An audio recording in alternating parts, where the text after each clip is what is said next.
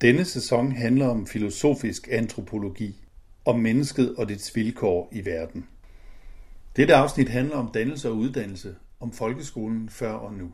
Sammen med P1's Carsten Ortmann og Alexander von Nøttingen bruger jeg folkeskolereformen som anledning til at genstille spørgsmålet om, hvorvidt vores dannelsesanstalter nu også hjælper dannelsen på vej, eller om de er blevet trukket med malstrømmen af markedsstabilitet. Det kræver igen svar på, hvad dannelse er og ikke er, hvorfor man skal være dannet, og hvad det er, den dannede er i stand til, og hvad det dannede samfund er i stand til, som barbariet ikke er. Det er fra P1's eksistens den 13. oktober 2014. Rigtig god fornøjelse.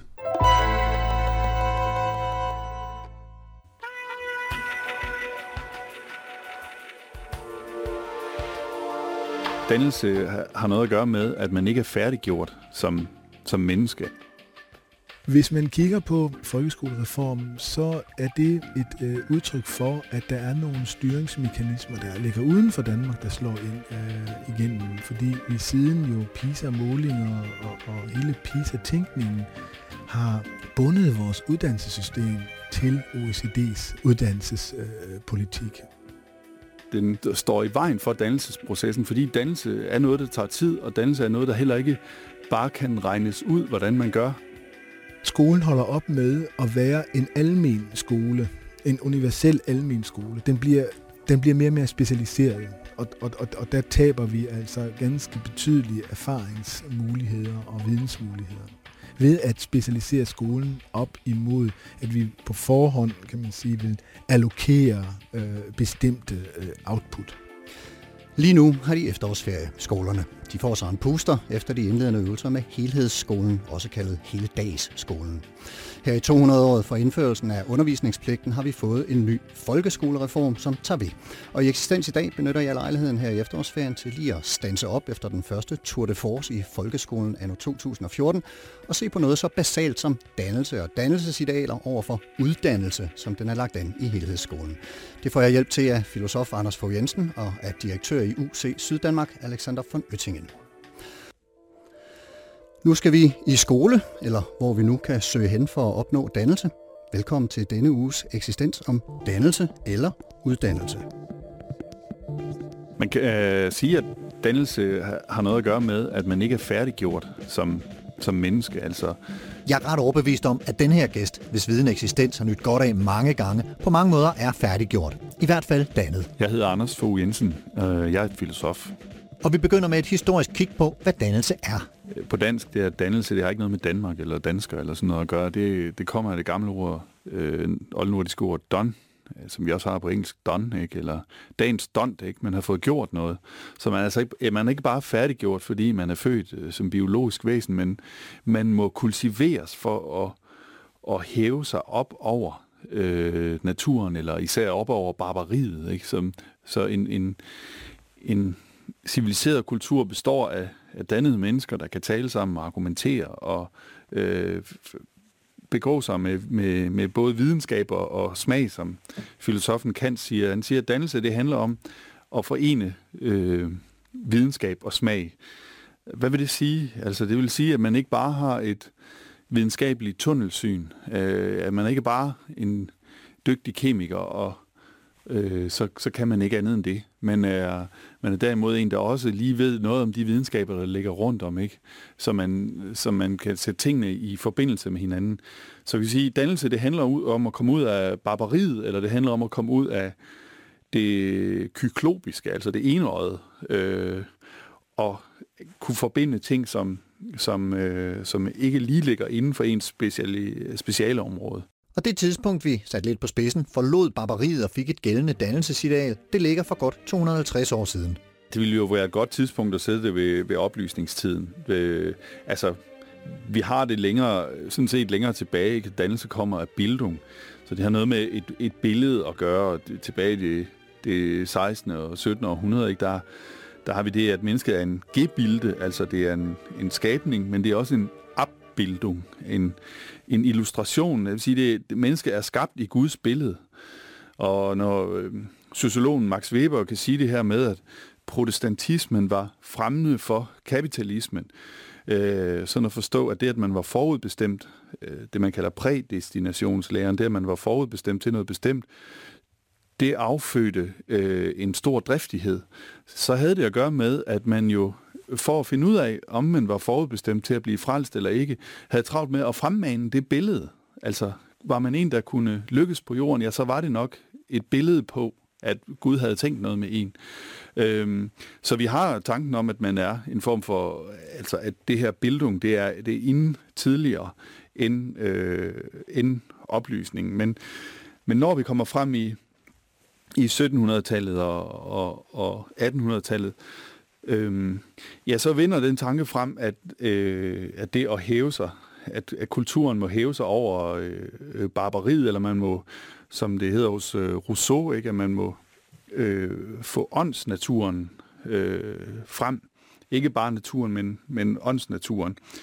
Øh, ja, så bliver det jo også til i, i, øh, i løbet af 1800-tallet, at man må afspilde den, altså det vi kalder uddannelser. Man må uddanne det anlæg, man har. Øh, og hvis vi når, altså for eksempel et, et, øh, en, et, et øh, omdrejningspunkt, en hjørnesten vil jeg hellere sige. Øh, her er jo sådan øh, Goethes øh, dannelsesromaner. Øh, og øhm, øh, de, de to vigtige der, det er Wilhelm Meisters lærerjahre fra 1796, øh, og så Wilhelm Meisters vandrejahre fra 1832. De har den her, hvad kan vi kalde det, det, det er sådan en tidlig backpacker, ikke? Man må, man må, man må rejse ud i verden øh, for at blive dannet. Man må møde det fremmede. Og her har vi allerede det her øh, med, at dannelse ikke bare er, at man tilføjer mere til det, man allerede er, men man bliver en anden, eller man bliver... Altså det er det, det, man vil kalde en dialektisk bevægelse, ikke? At man møder det fremmede og bliver noget af en, nedbrydes, og man indoptager det fremmede i sig og kommer hjem som et, jeg sige, et menneske på et højere niveau, øh, som ikke bare har øh, hørt om Indien, men har set Indien, eller på det her tidspunkt, ikke, hvor H.C. Øh, Andersen og Kirkegaard og Torvaldsen og sådan nogle rejste sydpå, ikke? at man, man, har se, man har set det fremmede og har kunne, kunne indoptage det i, sig. Så det er den hjemme-ude hjemmebevægelse. Hvad står det i modsætning til? Ja, det står for eksempel i modsætning til øh, Goethes Den unge værters lidelser øh, fra, fra 1784. Fordi Werther, han kan ikke, han kan ikke overskride sig selv. Han kan ikke gå i dialog med virkeligheden. Han skriver, han skriver i brevform, øh, han skriver sådan, ud fra sådan en jeg-vinkel. Han er ikke i en dialektik eller en udveksling med omgivelserne. Altså Lotte, som han er forelsket i, skal giftes med en anden, men han bliver ligesom bare ved. Øh, og der, der kan man sige, at, at dannelsesromanen netop prøver at, at vise det her øh, personlighedens kultivering igennem indoptagelse af det fremmede. Goethe er naturligvis ikke den eneste, der beskæftiger sig med personlig dannelse, med udvikling over tid. 1800-tallet byder på skikkelser som ikke mindst Søren Kierkegaard, Darwin, Marx og Hegel. Man skal ud i verden og overskride sig selv, man skal slutte sig til fællesskabet og blive borger i samfundet, snarere end bare et løsgående element. Når, når Hegel, øh, den tyske filosof Hegel, siger, at mennesket kun er, hvad det er igennem dannelse, ja, så siger han egentlig meget præcis det der, at, at, at der skal først en proces til, før øh, at mennesket er hvad det, hvad det er til. Og, og det, der, der er lidt vigtigt at forstå her, det er, at dannelse ikke bare er at øh, summere eller addere. Det er ikke bare at, så ligesom jeg kan tage mig et kørekort, ikke? så er jeg nu Anders med kørekort. Men det er ikke, det er ikke blevet dannet af. Eller, øh, det, det, dannelsen, det er faktisk en forandring af personligheden. Og altså i, i, i den tanke, øh, også fra Hegel, der er det, at, at personligheden faktisk, der er noget, der for at en erfaring kan, kan ske, så må, er der noget, der må nedbrydes. Altså der er en forestilling om verden, som man har, som i erfaringen nedbrydes. Nå, okay, Sydeuropa var ikke, som jeg troede, eller øh, det at være voksen var noget andet, end jeg troede som barn. Så puberteten er også en nedbrydelse af barnets forestillinger. Så når dannelse foregår igennem nedbrydning, altså nedbrydning af nogle forestillinger om, hvordan verden ser ud, for eksempel, øh, og man bliver en anden af en erfaring. Altså en erfaring er ikke bare at lægge noget mere til. Det er, at man, man bliver en anden, fordi der sker noget med en, som man ikke selv kan kontrollere. Så hvis, hvis det ikke er det samme som at tage et kørekort, og blive dannet, eller at, at putte flere øh, ydre egenskaber på alene i hvert fald, øh, så, handler, så, er, det, så er det netop øh, her, hvor dannelsen adskiller sig fra kompetenceudviklingen. Så kompetenceudviklingen er en mere sådan individuel øh, tilføjelse af noget, hvorimod dannelsen netop har det der med, at jeg, jeg skal overskride mit, mit, øh, mit gamle selv. Jeg skal også overskride bare det at være mig alene, og jeg skal blive en del, altså jeg skal gå jeg skal indgå i fællesskaber for at blive, blive dannet menneske.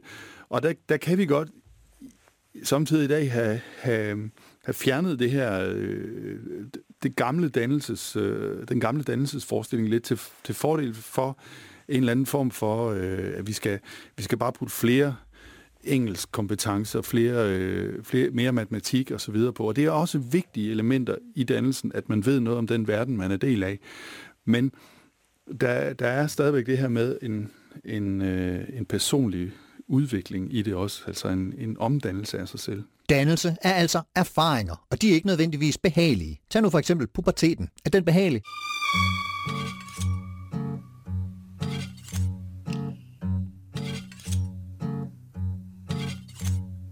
Men det er altså i oplysningstiden, at vores dannelsesopfattelse bliver skærpet, og datidens store filosofiske fyrtårn Immanuel Kant formulerer, at dannelse handler om at udvikle sin smag, eller måske snarere sin dømmekraft. I sit berømte skrift Hvad er oplysning fra 1784 siger Kant. Man skal ikke bare overtage dogmerne, men have mod til at stole på sin egen forstand og fornuft. Man skal ikke bare tro på det overleverede. Det er det dannede, og det, der skal til for, at man som god oplysningstænker kan træde ud af dogmerne og religionen og lave et fornuftigt samfund. I øvrigt et tankesæt, som i dag bliver ført videre af tyske Jürgen Habermas. Men allerede i begyndelsen af det 20. århundrede begynder man at blive bevidst om det, som Anders Fogh Jensen for lidt siden kaldte videnskabernes tunnelsyn og behovet for at konsolidere dannelsen. Der, øh, vi har jo to vigtige øh, taler faktisk i starten af det 20. århundrede. Vi har Max Webers øh, tale i München i 1919, og så har så holder øh, den tyske filosof Edmund Husserl, han holder en, øh, en tale november 35 i, i Prag. Og det, de siger på hver sin måde med 16 års mellemrum, det er, at øh, videnskaben har spaltet sig væk fra livsverdenen. Øh, det vil sige, at vi er ved at få en kultur, som er blevet øh, så videnskabeligt gjort, og hvor vores orientering er blevet så videnskabelig, at vi faktisk har glemt, hvad det egentlig var, at videnskaberne skulle tjene, nemlig livet. Altså, og det, det er i virkeligheden noget afgås fra Nietzsche, det her.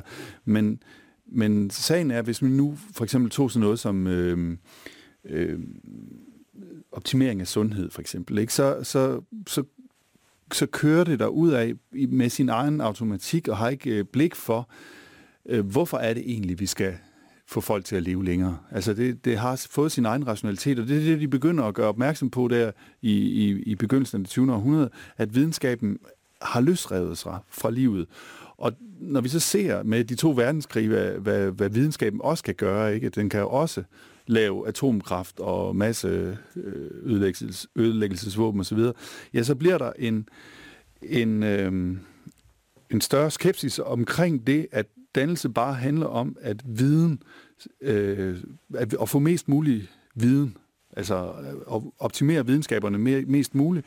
Øh, og man kan sige, at den her øh, idé med, at dannelse også er myndiggørelse til selv at kunne tage stilling, det bliver jo øh, så det, der skal redde menneskeheden fra menneskeheden selv. Altså det er sådan øh, lidt ligesom med Frankenstein, ikke? Altså man har lavet noget, som står uden for mennesket, som vender sig mod mennesket selv igen.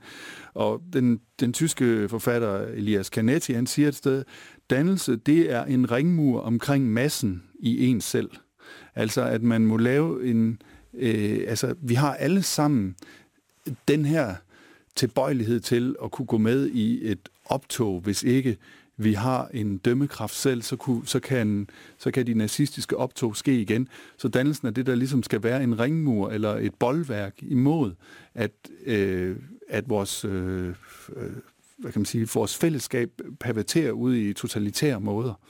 Så der, og det er det, som, som vi har i, i efterkrigstiden og, og langt frem, altså helt frem til ja, måske øh, slut 80'erne og et stykke ind i 90'erne, den, den idé, at, at dannelse stadigvæk, altså også i, i velfærdsstaten, er øhm, at, at lave borgere, der, der kan tage stilling selv, kan indgå i en, en demokratisk kultur osv., øhm, hvor det vi så begynder at se fra 90'erne og frem efter, det er, at øhm, det, der skal tage vare på dannelsen, faktisk øh, øh, altså uddannelsessystemet begynder at orientere sig mere mod markedet, således at uddannelse handler om at skabe individer, der også kan begå sig på et marked. Swing! Og sådan kom vi lige op til i dag, og til den skole, som er blevet implementeret for nylig. Øhm, glem kraftet med Nietzsches. Øh, den, den kommer til at hoppe over. Så vender vi bare tilbage til det. Ja, det tager vi helt roligt, Anders Fogh Jensen. Vi samler Nietzsche op om et øjeblik, men jeg benytter lige lejligheden til at fortælle eventuelt nytilkommende lyttere, at det her er Eksistens på B1. som i dag handler om dannelse, og vi er på vej over i at tale om, hvordan den nyligt implementerede skolereform påvirker vores syn på dannelse og vores dannelsesidealer, som de har set ud de seneste godt 250 år. Og noget af det, som reformen er blevet kritiseret for, det er netop markedstænkning og specifik målretning snarere end bred dannelse. Det, der står som den store far for uddannelsesinstitutionerne, når de prøver at regne ud, hvad man skal blive til i den anden ende, det er jo, at de overser det her element med, at dannelse faktisk også er en individuel omdannelse. At øh, dannelsen bliver for programmatisk. Øh, at den bliver, ja, man kunne nærmest sige, en metode. Øh, det er allerede noget, som, som Nietzsche faktisk er inde på. Han, han har et lille skrift fra 1872, hvor han skriver, der hedder om vores dannelsesanstalters fremtid, øh, hvor han taler om, at at dannelsen er blevet øh, gemengjort, altså den er blevet for, den har fået, fået sådan en programmatisk øh, karakter, hvor alle skal disciplineres til den, den samme form for individualitet, og dermed ender dannels, uddannelserne egentlig i øh, en form for barbari, fordi de ikke har øh, blik for det her, at, at dannelse også er en, en øh, individuel øh, proces, og det kan man sige, at når man kigger på skolen i dag, så er det ligesom om, at den prøver egentlig at, at, at have et, et, et dobbelt forhold til det her, fordi alle idéerne om øh, individuel eller differentieret læring og individuel øh, øh, hvad kan man sige, undervisning har jo den idé, at vi alle sammen er øh, forskellige, og derfor skal, skal uddannelsen også indrettes til os hver især. Så jeg vil forsøge på at imødekomme det ved at så lave øh, en skole, der tager hensyn til det. På den anden side, så vil skolen jo også gerne regne ud, hvordan kommer der den bedste, øh, den mest duelige til markedet, eller den, der bonger bedst ud på PISA-test, eller hvad det nu er, øh, ud i den anden ende. Så den prøver selvfølgelig, altså tilrettelæggelsen af skolen prøver selvfølgelig at regne ud, hvordan, hvordan laver vi det her, og, og hermed er der jo en stor fare for, at man faktisk overser øh, dannelsen. Ja, det er der desværre, og det bliver cued til at præsentere dagens anden gæst, nemlig ham her. Jamen, jeg hedder Alexander von Øtting, og jeg er direktør for forskning og udvikling ved UC Syddanmark. Det er altså University College Syddanmark, og Alexander von Øttingen kaster sig direkte ud i at beskrive forholdet mellem skolen og dannelse. På den ene side, så kan man sige, at vi har sådan en almen dannelsesforestilling, dannelse, der kan foregå livet igennem, øh, og som har et meget bredt perspektiv. Og så har vi folkeskolen, eller institutionen skolen, som giver øh, dannelsen et vist perspektiv, et bidrag til dannelsen. Og forholdet er vel, at, at skolen har øh, traditionelt set to opgaver. Øh, en gang jo at føre børnene ind i sådan de kulturteknikker. Man kunne faktisk tale om dannelsesteknikker, som det at læse, regne og skrive på den ene side, og på den anden side at og øh, åbne vinduer til verden ved hjælp af fagene. Det som vi så kundskabsmæssigt, eller kundskabsdannelsen eller faglighedsdannelsen kunne kalde for. Og som jo traditionelt kan deles op øh, i sådan en tredeling med, at der er sådan set er tre store nøgler til at forstå den verden, vi er en del af. Dels den kommunikative, sproglige verden, og som så giver nogle fag som dansk og historie for eksempel og den øh, naturvidenskabelige matematiske verden, hvor fysik, matematik, kemi er som fag, og så den ekspressive filosofiske verden, hvor, hvor fag som, som øh, kunst, øh, filosofi jo er en del af. Så, så man kan sige, skolen har i forhold til dannelsen et rigtig, rigtig vigtig betydning, fordi den underviser, den viser øh, verden på nye måder, øh, og dermed udvider den sådan set børnenes umiddelbare erfaringer om den verden, de er en del af.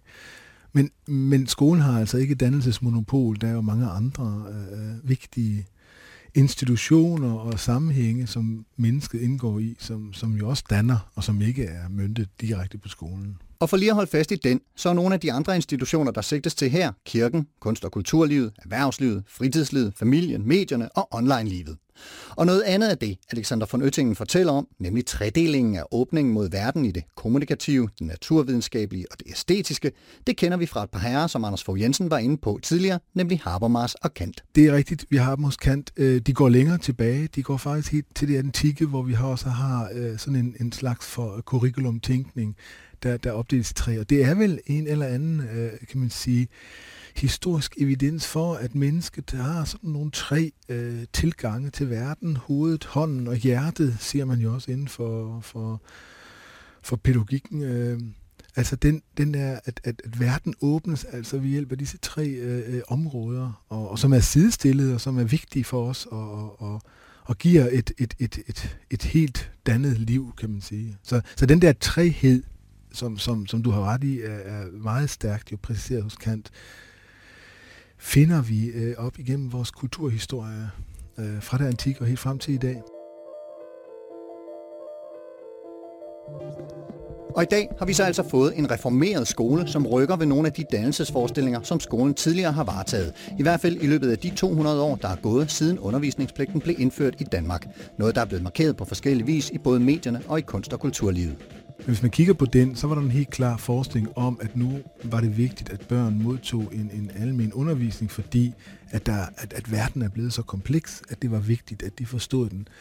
Øhm, og, og så har idealet vel været i mange år en sådan en folkelig demokratisk forestilling om, at skolen er en øh, folkets skole, altså en skole for det almindelige, øh, det folkelige liv, og, og på den måde med til at præge os og, og, og, og give os en fornemmelse af, at vi tilhører et folkeligt fællesskab hen over generationer. Det har vel, vel været sådan et, et, et, et ideal, øh, som vi tit og ofte også siger, et demokratisk øh, ideal. Hvis man kigger på, mm, på, på det, der sker i dag og med folkeskolereformen, så er det nok mere et øh, udtryk for, at der er nogle styringsmekanismer, der ligger uden for Danmark, der slår ind øh, igennem. Fordi vi siden jo PISA-målinger og, og hele PISA-tænkningen har bundet vores uddannelsessystem til OECD's, øh, øh, kan man sige, uddannelsespolitik. Øh, og, og, og det er en drejning, det er noget nyt. Altså det er noget nyt, at vi, at vi har uddannelses, øh, især folkeskolen, bliver hængt op på sådan en mere globalt, international øh, øh, kontekst. Og det har betydet et skift i den retning, skolen og undervisningen har. Det er øh, slogan, eller kan man sige, den, den overskrift, der hedder fra inputstyring til outputstyring. Men man kan sige, at øh, folkeskolen 200 år, øh, det er en inputstyret folkeskole. Forstået på den måde, at man for at finde ud af, hvad skulle man øh, lade undervise i i folkeskolen, kiggede man på indholdet. Hvad skulle indholdet være, det kulturelle indhold i vores fag og i skolen i det hele taget. Med slogan om outputstyring, og det er OCD's øh, øh, kan man sige, tænkning, der kigger man ikke bagud over den kultur, øh, vi er en del af, men man kigger fremad for at aflure, hvad er det for kompetencer, et moderne øh, menneske skal kunne have, når det skal være, kunne indgå i en økonomisk, øh, øh, økonomisk verden, globalt økonomisk verden. Og det, og det, og det, det, det er et skift. Så dannelsesidealet, kan man sige, hvor det før var meget stærkt bundet op til den kultur, vi har levet, den tid, vi, vi, kan man sige, vi ved, altså hvad, hvad var vigtigt for os at give videre til næste generation, så bliver det nu et spørgsmål om, hvad tror vi, øh, at det er vigtigt i fremtiden at kunne? Øh, øh, hvad, hvad er vigtigt at, at være kompetent til. Og det, det, det, det, det reducerer vores syn på det at have en, en skole øh, for folk, en folkeskole med, med et mere almindeligt dannende øh, sigte. Det er, en, det er en præcisering, eller kan man sige, en forsnævring øh, af vores dannelsesideal. Og her griber Alexander von Oettingen også fat i hel, som Anders Fogh Jensen havde fat i tidligere. For ham, han, han skældnede mellem praktisk dannelse og teoretisk dannelse, for at gøre opmærksom på, at det moderne menneske er jo et menneske, der er splittet op i både, kan man sige, sådan noget subjektivt, partikulært, og på den anden side noget alment fornuftsmæssigt. Og det, det dannelse handler om, det er at bygge bro og bringe de på en eller anden måde i, i overensstemmelse. Og, og der præciserer øh, Hegel ganske præcist, at, at, at det er overensstemmelse altså mellem både vores individuelle liv ikke, og det der kulturelle fornuftsliv at bringe overensstemmelse. Men det må ikke være på bekostning bare af nytteaspektet. Altså, hvad er nyttet, nyttelig her og nu? Det skal være, verden skal sådan set fremstå i sin egen frihed, som man udtrykker det, og det vil sige fremstå som noget værdifuldt i sig selv, og ikke måles på, om det er nyttigt. Og det vi ser i dag, med OECD, det er en meget skarpere præcisering af, at det, der skal ske i skolen, skal være nyttigt for en bestemt fremtid.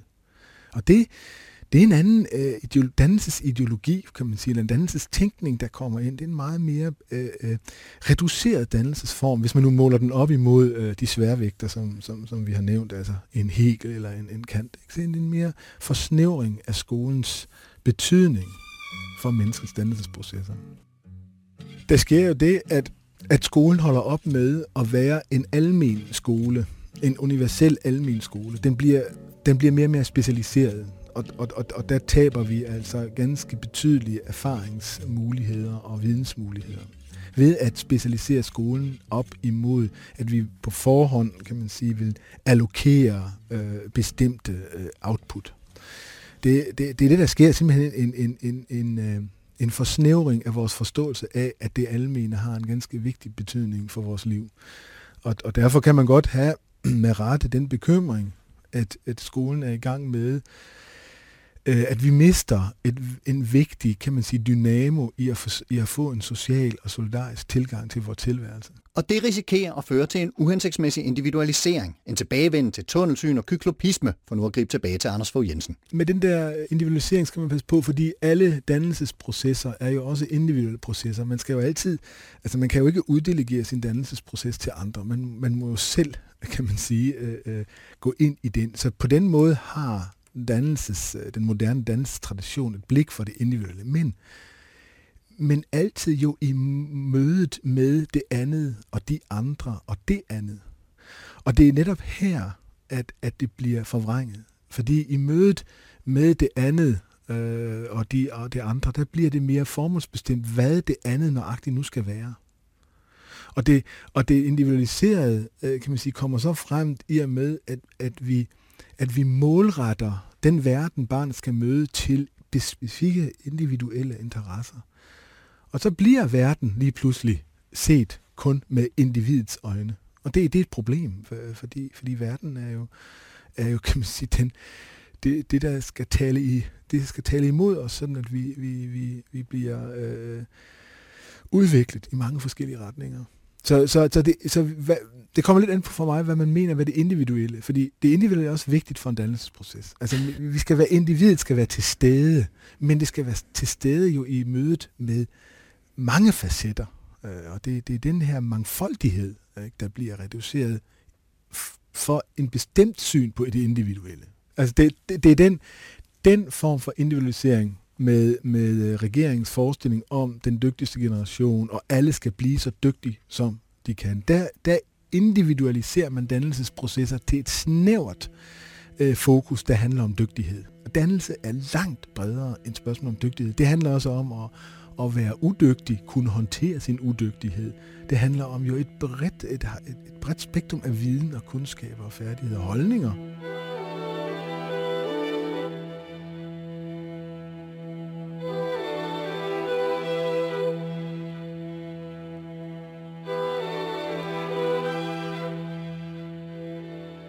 Ifølge filosof Anders Fogh Jensen er der takter i den nye reform, der søger at genopleve nogle af de gamle dannelsesidealer efter en årrække med den sorte skole og efterfølgende laissez-faire pædagogik. Vi sige, udviklingen fra den sorte skole og så til, til den skole, vi, vi kender i dag, den går på en måde over vores demokratiske pædagogik i, i 70'erne der, altså, øh, hvor, hvor der var sådan mere øh, laissez-faire holdning, eller en, en øh, altså, for eksempel i familien, ikke? at der, der skulle være et lille demokrati, fordi alle, selv barnet var jo allerede et voksen menneske. Øhm, men det, det så munder ud i, det er jo sådan en anden type af pædagog, eller en anden type af lærer, der ikke bare øh, skal afrette, ligesom i den sorte skole, men skal facilitere udfoldelsen af det enkelte individ. Altså sådan at forstå, at, at viljen øh, skal, skal fremelskes, og, og, og læreren skal så facilitere den, den udfoldelse. Så man skal ikke bare, man spørger jo så lille, lille øh, Peter, hvad, hvad har du lyst til at skrive projekt om? Eller hvad vil du gerne?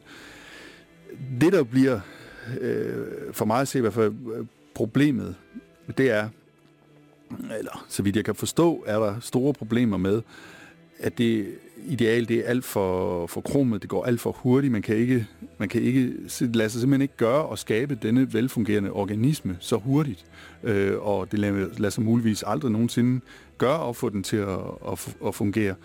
Men jeg vil mene, at der faktisk, at skolen i dag egentlig er i gang med at realisere nogle af de gamle dannelsesidealer. Hvis man tager sådan noget som det at overskride sit fag, så er det jo ikke længere øh, sådan, at, at man bare har fagene adskilt, men der er jo, der er jo gang i en, en masse tværfaglige. Det er sådan set, det var der også i min skoletid i, i 80'erne. Der lavede vi også tværfaglige projekter, men det er jo bestemt ikke blevet øh, mindre.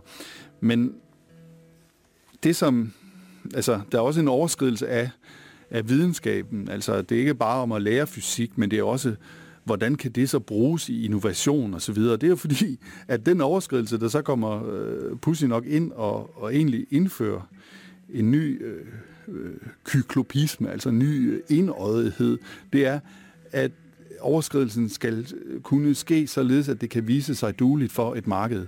At den skole, der ikke kan lave øh, elever, der kan tage en øh, uddannelse, der kan gøre sådan dueligt til et marked, det er ikke en god skole.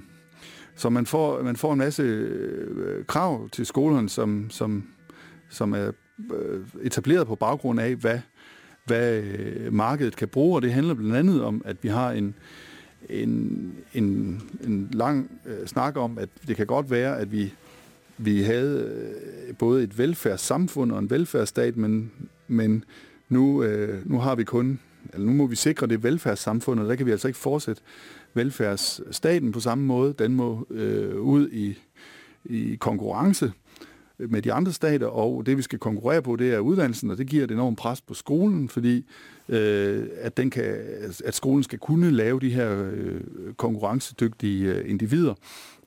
Og hvad er det, de individer skal kunne for at lave en konkurrencedygtig stat? Ja, de skal blandt andet øh, kunne gøre en anden ting, som, som ligger i dannelsesbegrebet, nemlig at man skal kunne gå ind i fællesskaber. Man skal kunne deltage i fællesskaber, men det, der så bliver øh, varianten af det nu, det er, at man skal kunne gå enormt hurtigt ind i fællesskaber og ud af fællesskaber. Man må ikke have for store sådan, øh, personlige transaktionsomkostninger ved at have midlertidige relationer. Man skal kunne gå ind og arbejde i projekter øh, i, med nogen i, i øh, en periode, og så hurtigt ud og omstille sig på et arbejdsmarked til nogle andre typer af fællesskaber.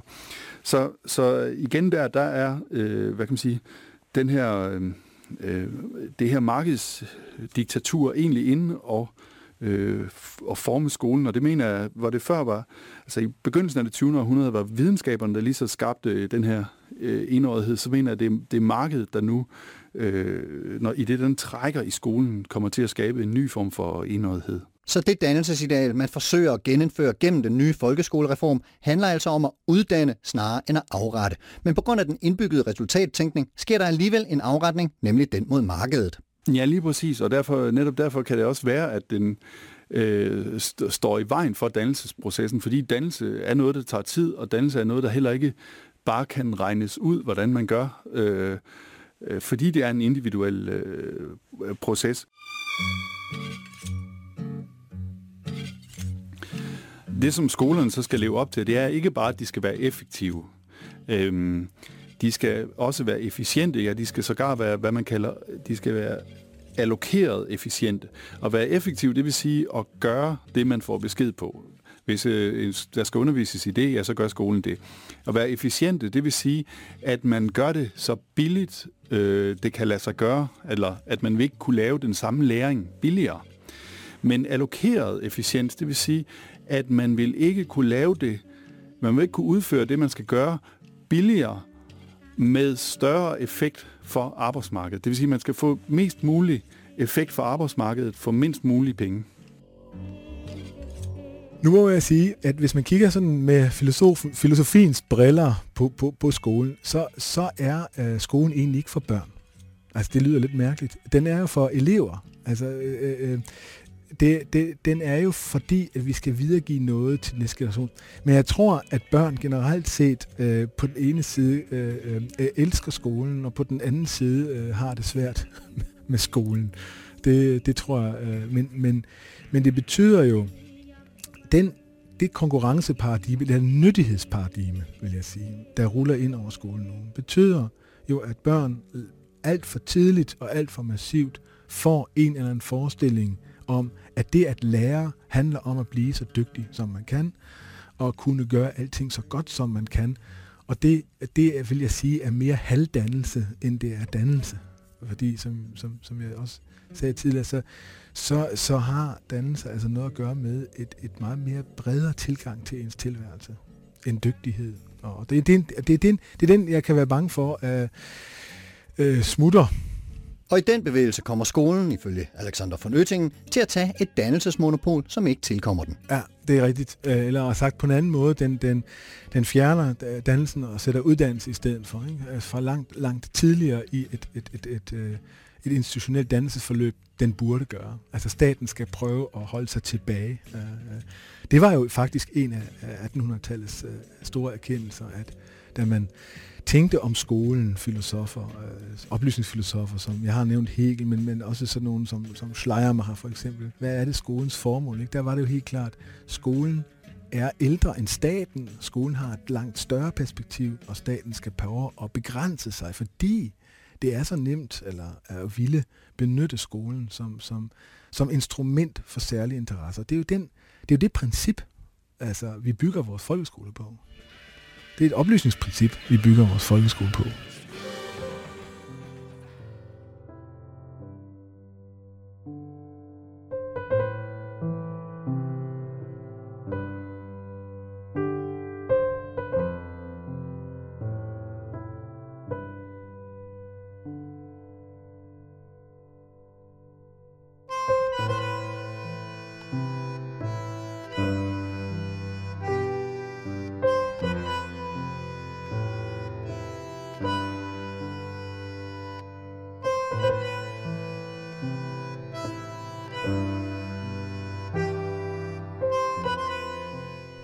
Har lyttet til Filosofens podcast.